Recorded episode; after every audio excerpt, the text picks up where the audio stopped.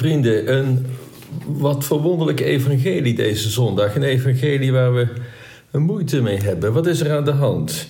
Er komt een vrouw naar Jezus van buiten Israël, uit het Canaanese gebied. En die roept luid: Heb medelijden met mij, Heer, zoon van David. En waarom roept ze dat? Het gaat om haar dochter. Die wordt ernstig gekweld, van de duivel bezeten. Maar wat gebeurt er? Heel onverwacht. Zo kennen we Jezus niet. Hij geeft in het geheel geen antwoord. En de leerlingen die roepen dan ook nog eens tegen hem: stuur die vrouw toch weg, want ze blijft alleen maar ons achterna roepen. En Jezus is er kennelijk mee eens. Hij zegt: Ik ben alleen maar tot de verloren schapen van het huis van Israël gezonden. Maar de vrouw die houdt vol en zegt: Heer, help mij. En dan komt nog het meest eigenlijk stuitende. Jezus zegt: Het is niet goed het brood dat voor de kinderen bestemd is aan de honden te geven. Uh, scheldt Jezus haar uit voor hond? Wat, wat, wat is hier gaande?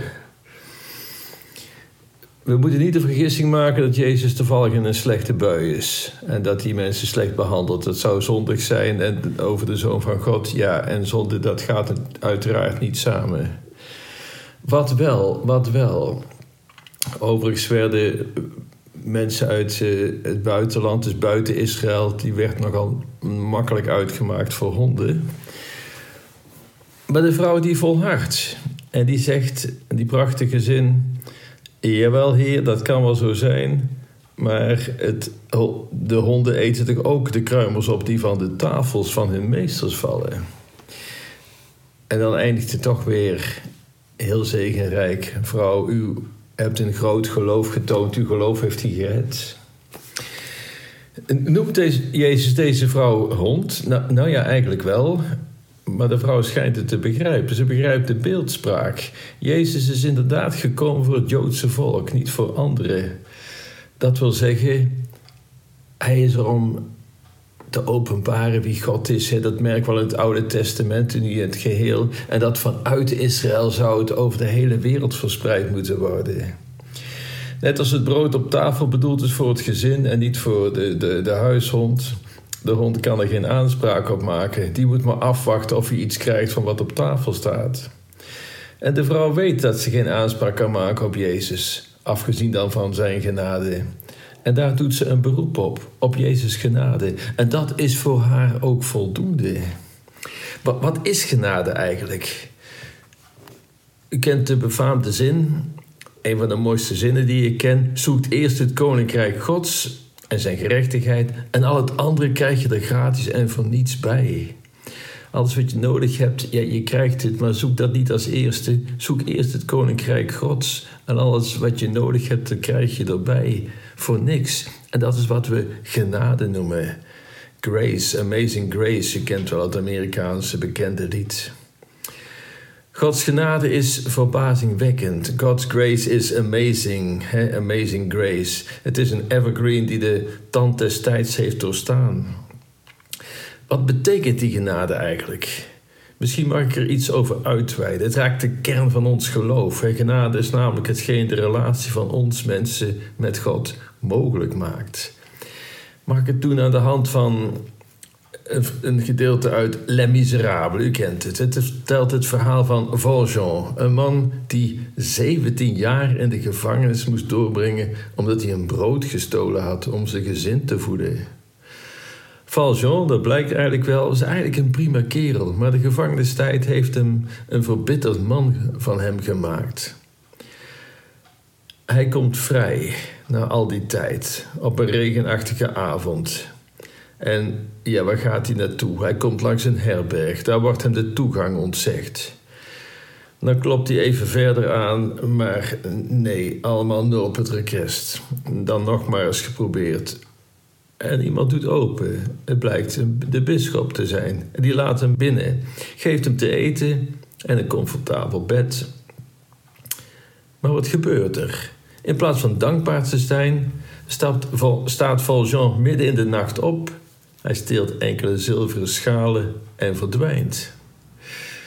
Maar hij heeft pech. Een agent houdt hem de volgende dag aan. Die, die ziet hem en die ziet die schaal. Hij denkt, dit is verdacht.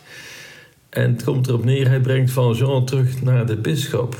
En Valjean, ja, die weet wat hem te wachten staat. Een nieuwe, nog langere gevangenisstraf. Maar als er aangeklopt wordt door die agent bij de bisschop met Valjean... De bisschop ziet Valjean en dat doet hij iets onverwachts. Hij beschuldigt hem niet van diefstal, maar hij groet hem hartelijk en vraagt hem waarom hij niet ook de zilveren kandelaars heeft meegenomen. De agent die vermoedt een misverstand. Hij verlaat het huis, blij dat er geen misdrijf gepleegd is. En Valjean die kan het maar niet begrijpen.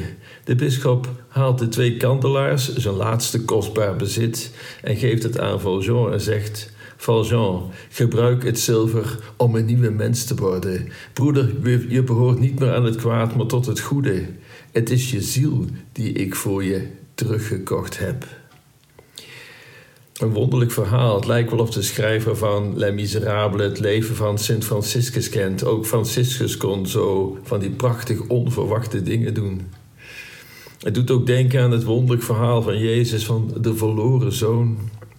U kent het verhaal, ik ga het niet verder vertellen. Maar het eindigt zo, die zo verloren zoon, uiteindelijk komt hij terug met veel spijt, berooid en wel overigens. En iedereen verwacht dan dat deze zoon gedwongen zou worden te werken om zijn schuld af te lossen. Ze zouden geen genade kennen voor deze lamlendeling, maar de vader in Jezus' verhaal wel. Hij doet het onverwachte.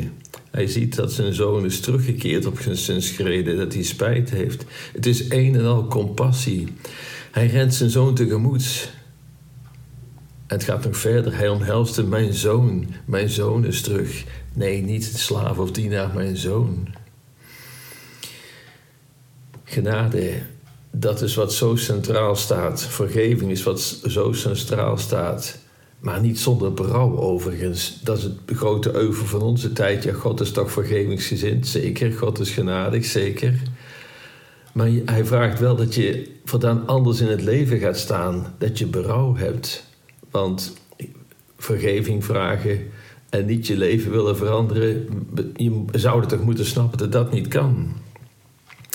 Als je oog hebt voor Gods ongelooflijke genade, kun je dan nog weigeren om op Gods appel in te gaan? Valjeans leven was op slag veranderd. Hoe kon het ook anders als, een, als die man, die bisschop, zo reageerde? De verloren zoon, die kan toch niet anders dan een herboren mens zijn geworden? Beiden hadden geen enkele aanspraak op zoveel goedheid. Valjean krijgt nog eens de twee zilveren kantelaars bij de schalen die hij gestolen had. De verloren zoon verdient straf en schande, maar hij heeft berouw en zijn vader deelt met hem alles wat hij bezit. Zo is God, hij is genadig. Het enige wat ons te doen staat is het dankbaar te aanvaarden. Het is onvoorstelbaar hoe God is. God heeft genade voor de goede moordenaar. Hij is genadig voor Matthäus, ook voor Petrus en voor Maria Magdalena. De vrouw in het verhaal van het evangelie van vandaag, zij had er oog voor. En daarom stoorde zij zich niet aan de leerlingen die zeiden dat ze maar moest oproepelen.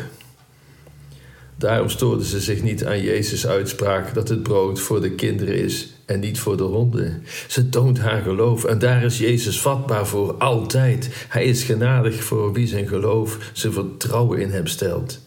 Doe dat en dan gebeurt het onverwachte.